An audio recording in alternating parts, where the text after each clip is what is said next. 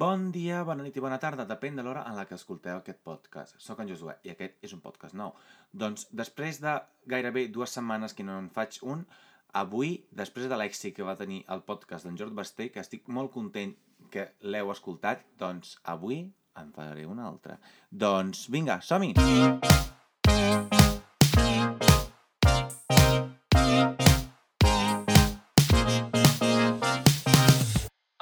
Petit i superbreu apunt, doncs moltes gràcies per escoltar-me, moltes gràcies, és un projecte que jo faig sol, no està financiat per ningú i estic molt content que hi sou, que m'escolteu, que em seguiu i, i, i, i- res, només donar-vos les gràcies per això i ja començo. Molt bé, doncs si em seguia al Twitter i si no em seguiu us ho explico jo ara, doncs sabreu que estic fins als collons d'estar dins de la putíssima comarca del Barcelonès. Ole! Doncs què passa? Que malauradament, o per sort, depèn del, del, del punt de vista, depèn si viviu o no, no hi viviu, doncs el Barcelonès és una, és una comarca que a mi, sincerament, no m'aporta res, a no ser que sigui per Barcelona i, i poques coses més. I bé, ara us explico una cosa ben bonica del Barcelonès i de National Geographic. Doncs, com bé sabreu, Catalunya està formada per comarques, una de les quals és el Barcelonès, on visc jo. El Barcelonès té 145,8 quilòmetres quadrats de superfície i 15.627 habitants per quilòmetre quadrats. I en canvi Osona té una superfície de 1.245 quilòmetres quadrats i té 130 habitants per quilòmetre quadrats. És que no puc més! Deixeu-nos sortir ja! I tot això per dir-vos que eh, no és el mateix viure en una comarca petitona que, veu, que viure en una comarca molt més grossa, amb molta menys gent que viure al Barcelonès. Perquè, a més, jo, sincerament, com a, com a persona adoptiva de Barcelona, perquè ara m'acabo de dir que jo sóc adoptiu de Barcelona quan ningú m'ho havia dit mai, però com que jo em sento així, doncs mira, uh, si algú es podia fer una cançó de Filla del Guinardó... Filla del Guinardó, alcaldessa de Barcelona... Doncs mira, jo sóc adoptat de, de Barcelona. Doncs què passa? Que ens estem ofegant. Si us plau, obriu comarques. És que no aguantarem més. Començarem a menjar-nos els cessos. O sigui, mm, hi haurà gent que començarà a, a atrapar per als arbres. Hi haurà gent que es llançarà a la mar i començarà a, a, a nedar fins que no, no creieu de comarca. I a banda de tot això, hi ha persones que, com jo, són persones eh, mitjanament eh, sensates que es queden dins de la comarca, perquè si suposadament hi ha una pandèmia en aquest moment, eh, resulta que si et diuen que t'has de quedar dins de la comarca, a no ser que sigui per feina, eh, t'hauries de quedar dins de la comarca. I en canvi conec a molta gent que està sortint de la comarca amb més o menys o res de raó, i què passa? Que estan sortint i no es troben cap control policial i en canvi jo, només per haver fet, agafat la ronda litoral perquè m'havia equivocat de, de, de, de, de ruta per arribar a la benzinera i, i, i vaig sortir a, a Poble Nou en lloc de sortir a Bac de Roda, com havia de sortir, doncs em vaig trobar un control policial. És que expliqueu-me, si plau, per què em controlen a la sortida de la putíssima ronda. Expliqueu-m'ho. No entenc. No res. No passa res.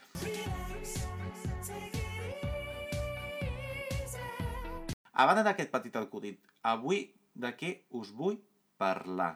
Des de fa una setmana, els centres comercials han tornat a obrir. Què passa amb això? Doncs que la gent que tingui ganes d'anar al centre comercial està en el seu dret d'anar al centre comercial i anar a comprar. Però també eh, hi ha també aquest dret i aquestes ganes d'anar a les botigues, perquè, com bé sabreu, la Generalitat ha tancat tots els, els comerços que tinguin més de 400 eh, metres quadrats de superfície. Llavors, eh, clar, és complicat. Doncs, què passa?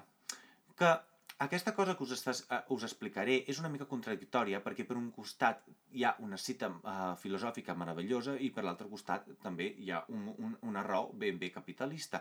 Doncs començarem amb aquesta cita. Doncs aquesta cita és alemanya, ara no me'n recordo perquè m'havia apuntat qui l'havia dita, però no sé qui és en aquest moment, doncs en alemany diu Vorfreude ist die schönste Freude. Però, què passa? Si no sabeu res d'alemany, doncs us l'he de traduir. I això què significa? Això significa que l'espera de la felicitat és en si mateixa la felicitat, o sigui, tot aquest, aquest missatge de pensar, per exemple, que tinc moltes ganes d'anar a comprar, tinc moltes ganes d'anar a botiga, tinc moltes ganes d'anar a un restaurant, doncs és com una mica que ja estàs formant la teva felicitat perquè després arriba un moment en què tu pots assolir aquesta felicitat, aquest sentiment de plaer i resulta que s'ha acabat. Però per què aquest Vorfreude? Doncs perquè Vorfreude, de, com s'entenia, és, o sigui, tots aquests moments que tu estàs aquí desitjant, esperant que arribi aquest moment meravellós. I quan arriba ja eh, eh, es dilueix, es vaeix, perquè uh, ja ha arribat el moment, uh, al, al, punt àlgid de, de, de, de, de, de la culminació d'aquest ple, i llavors uh, ja no hi ha més. I què fem nosaltres com a persones humanes? I llavors ja us parlaré d'un altre tema, bueno, us parlaré d'un altre tema, us faré una altra citació filosòfica, literària, o, que, o com se'n digui, doncs d'una... Uh, nosaltres com a persones doncs, busquem aquesta, aquest sentiment, aquesta felicitat en altres coses, però el que fem nosaltres és buscar un plaer més gros, més, més potent, més fort.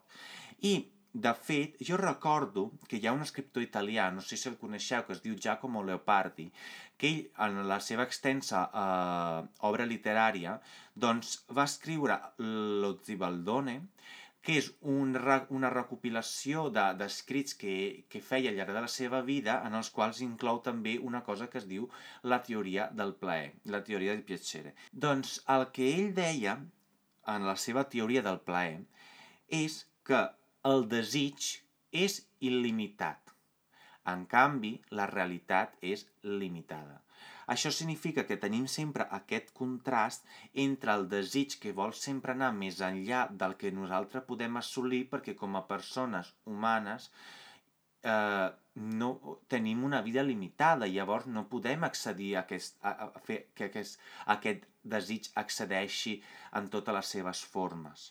I, i, I si us agrada una mica aquesta teoria del plaer, aquesta teoria de que, per exemple, el plaer no es pot, eh, no es pot limitar ni per duració ni per extensió, jo crec que és molt interessant llegir el que pensava aquest escriptor, que mai va, va arribar a ser un filòsof, però més o menys gairebé hi era, com un d'ells, de filòsofs, doncs va fer aquesta...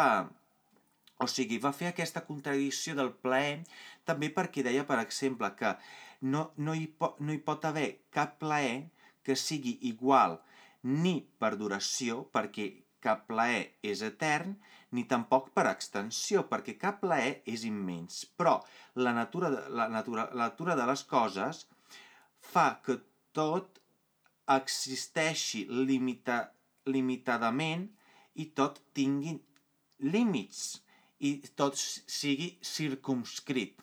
O sigui, si no he entès una puta merda, doncs mireu, jo tampoc he entès una puta merda. O bé, o bé, sí que sé el que estic dient, però no ho sé expressar bé. I és, són coses que passen, el que voleu. Doncs, uh, i bé, us preguntareu, tota aquesta esparrafada, per què? Perquè vaig trobar que hi ha una paraula per definir com jo em sento. I aquesta paraula és oniomania. Doncs oniomania és un terme creat per un psiquiatre alemany que es deia Emil Kreplin, que és un trastorn psicològic, jo crec que de, de tenir al, al, al començament d'aquest trastorn, que comporta un desig irrefrenable de comprar. I, de fet, el que em passa és que jo vull comprar a totes hores del dia, perquè jo abans d'anar a dormir busco a l'Amazon si hi ha alguna oferta, i jo quan vaig a l'illa diagonal busco per les mateixes botigues, encara que hi vagi dos dies seguits, si hi ha alguna oferta. I quan és obvi i evident que no hi haurà cap oferta. Jo vaig a Passeig de Gràcia per veure les botigues, per veure si hi ha alguna oferta. Vaig a la casa del llibre i encara que jo no llegeixi gaire i els únics llibres que jo de moment estic llegint són de Quim Monzó, doncs jo compro un llibre per a la meva parella perquè jo sempre penso que em faria molta il·lusió comprar alguna cosa, encara que no necessiti comprar res. I llavors què passa amb això? Doncs que clar, que quan passes la targeta baixen els diners del compte i jo em sento malament, però també alhora em sento content perquè he tinc l'oxitocina i la serotonina i l'endorfina a 1.000 i en canvi tinc el compte eh, gairebé eh, fregant el zero. Però bé, com que és una cosa que em posa molt feliç i en aquest moment encara he, he cobert tota la meva necessitat bàsica, o sigui, el lloguer, el menjar i punto, i, i no, i punto no, i el pinso del Julio. Mm, que el Julio primer. Jo mm, deixaré de menjar, però primer menjarà el Julio. Però és això. I jo crec que des del dia 1 de març, quan van tornar a obrir a, a, als centres comercials, tot això que us estava explicant de la teoria del plaer i aquesta uniomania doncs, es, es van casar perquè jo tenia un desig irrefrenable d'anar a una, una, una botiga a comprar, encara que sigui una samarreta, per dir he fet una volta a les botigues, també perquè... Eh... Primer apunt. Eh... Ara, no per res, però a mi, en aquest moment, com que la comarca del Barcelona és tan petita, no m'ha vingut mai no tinc ganes d'anar ni a Badalona, Hospitalet, Santa Coloma ni Sant Adrià. Us ho dic mm, més sincerament. Eh, vamos, és que no tinc ganes d'anar a aquests llocs, però mm, segurament oferiran alguna cosa diferent de Barcelona, però les coses que ofereixen per mi no són tan interessants com, com pensava. Bé, a banda d'això, què passa? Que amb l'obertura del centre comercial el primer dia, el dia 1 de març, jo vaig decidir que havia de complir aquest plaer i vaig anar a l'illa Diagonal.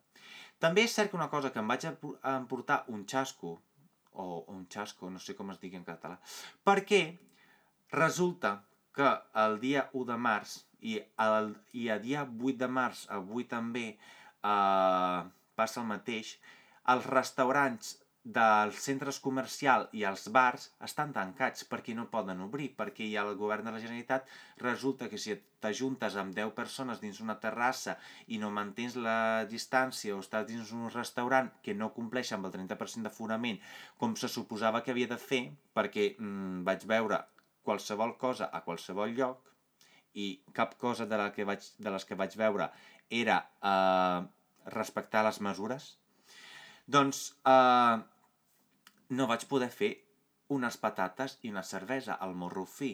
Jo tinc uns llocs, però no sé si vosaltres també, però... Segon acudit. Jo tinc uns llocs, com diuen a Osona, per exemple, uns puestos, que m'encanten i jo sé que jo vaig aquí per anar aquí, punto. I jo des de casa, quan agafo el cotxe, el metro, el, la moto, sigui el que sigui el mitjà de transport que facis servir, per anar a tal puesto, jo espero trobar-me tal puesto obert per poder fer el que jo tinc per fer. O sigui, el meu ritual, que és, vaig a l'illa, vaig mirar en botigues, compro alguna cosa i unes braves i una, i una canya al morro fi. Vaig a Gràcia, vaig a Gràcia i, per exemple, m'encanta anar a la bodega Quimet.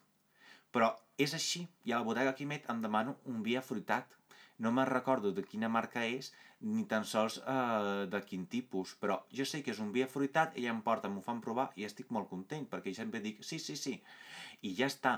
Jo crec que així és la, eh, és la, la cosa. O sigui, com a persones, per concloure una mica tot, tot el que us estava dient, per per crear aquest fil uh, que, que, que, que agafa el, pri, el, la primera part, la segona, la lluomania, tot això. Nosaltres com a persones som persones humanes i nosaltres tenim desitjos i tenim també uh, ansietats per fer coses. Doncs jo com a persona humana també que sóc, menys els de Vox que no són humans, segurament, doncs què passa? Que uh, som persones som, persones que tenim desitjos i ara amb, les, amb la pandèmia hem vist que cada cosa que per poca que sigui, ens va caure. O sigui, no hem tingut les, la, la, la, la possibilitat i, ens la, i us ho van treure bàsicament tot. Jo, per exemple, m'encanta anar a terrasses i m'ho van treure, com amb molta d'altra gent. Hi ha coses que jo entenc, la gent que, que, que, que vivia per anar a discoteques, clar, aquesta gent encara estarà pitjor perquè és molt difícil tornar a anar a discoteques, però jo crec que hi ha gent que no pot viure només anar a discoteques, deu tenir alguna cosa una mica més uh, pel dia a dia i entre setmana també que funcioni. Doncs amb la pandèmia ens ho vam treure tot. I llavors què? Doncs amb, el, amb, amb aquesta teoria del ple, amb aquest desig de, mentrestant, no pugui complir el desig que tinc, es van anar fent, es van anar fent, i llavors bé, o hem pogut complir, assolir, o com li vulgueu dir. I per mi una cosa d'aquestes era anar a botigues. Ara, anar al Morro Fi, mm, no, no ha sigut possible, però bé, esperem que més endavant hi puguem. Apa, fins aquí el podcast d'avui i espero que us hagi agradat. Vinga, adeu!